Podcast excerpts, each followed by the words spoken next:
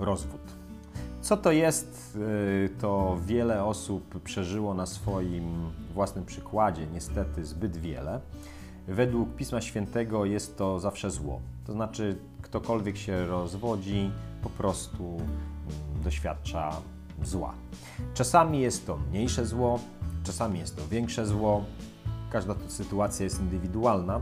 Natomiast Pismo Święte jasno mówi o tym, że człowiek jest stworzony do relacji. Zdarzają się osoby, które są powołane przez Boga do tego, żeby nie mieć męża lub nie mieć żony. Natomiast większość ludzi jest powołanych do tego, żeby tworzyć rodziny, żeby mężczyzna miał jedną kobietę i kobieta miała jednego mężczyznę. I to zarówno miał, miała jako męża żonę, jak i również w głowie, bo to nie chodzi tylko o to, żeby był mężczyzną jednej kobiety przez to, że masz jedną żonę i żadnej innej, ale chodzi też o to, żebyś ty w głowie po prostu nie robił rzeczy z kobietami, które po prostu powinieneś robić tylko z żoną.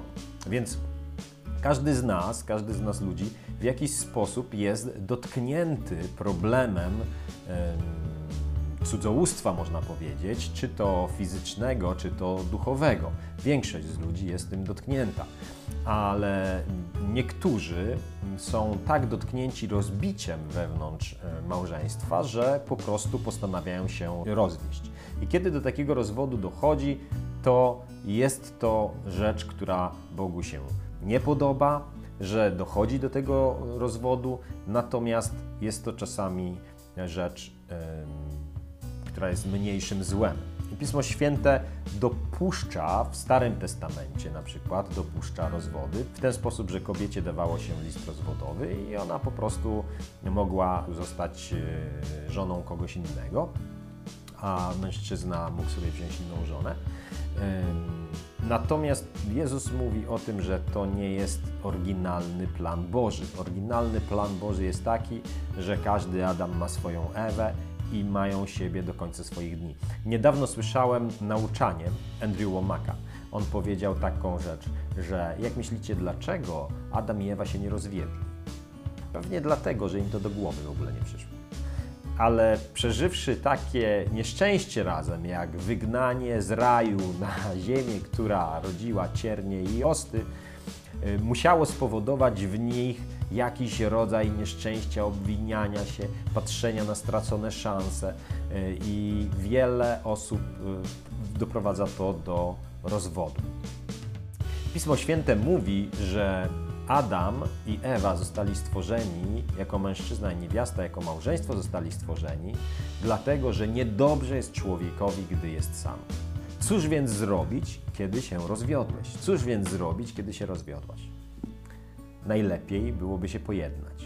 Jeśli to jest niemożliwe, to lepiej jest pozostać samemu. Jeśli to jest niemożliwe, to należy się pobrać, bo niedobrze jest człowiekowi, gdy jest sam. Natomiast każda z tych opcji jest jedynie mniejszym złem, nie jest po prostu dobra w przypadku, kiedy doszło do rozwodu. Jezus Chrystus to wybacza. Jezus Chrystus wybacza tak samo aborcję, tak samo kłamstwo, tak samo cudzołóstwo, tak samo każdy inny grzech. I człowiek, gdy się nawraca, nie chce być już człowiekiem grzeszącym, nie chce e, robić rzeczy, które Bogu się nie podobają. I ty prawdopodobnie też, kiedy dochodzisz do tego momentu, E, gdy musisz się rozwieść, to wiesz, że jest to wielkie nieszczęście i zło dla większości osób. Przyjmij od Boga przebaczenie. Poproś Go o Jego rozwiązanie, jeśli Twoja sytuacja jest tak skomplikowana, że żaden człowiek tu nie jest w stanie znaleźć rozwiązania Salomonowego. Poszukaj rozwiązania u Pana Boga. Poszukaj rozwiązania. W jaki sposób? Poproś Go. Jezu, jestem po rozwodzie, potrzebuję Twojej pomocy. Ułóż mi moje życie.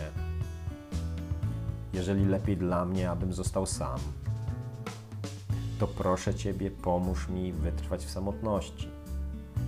Jeżeli mam znaleźć kogoś, to pomóż mi znaleźć kogoś. Jeżeli jest szansa na pojednanie i bycie razem, to proszę Ciebie, pomóż mi w tym. A jeżeli jest jakieś inne rozwiązanie, to podpowiedz mi je. Chcę postąpić zgodnie z Twoją wolą. Amen. Subskrybuj nasz kanał, żeby nie przeoczyć kolejnych filmów. Jeśli to nagranie jest dla Ciebie pomocne, prześlij je swoim znajomym.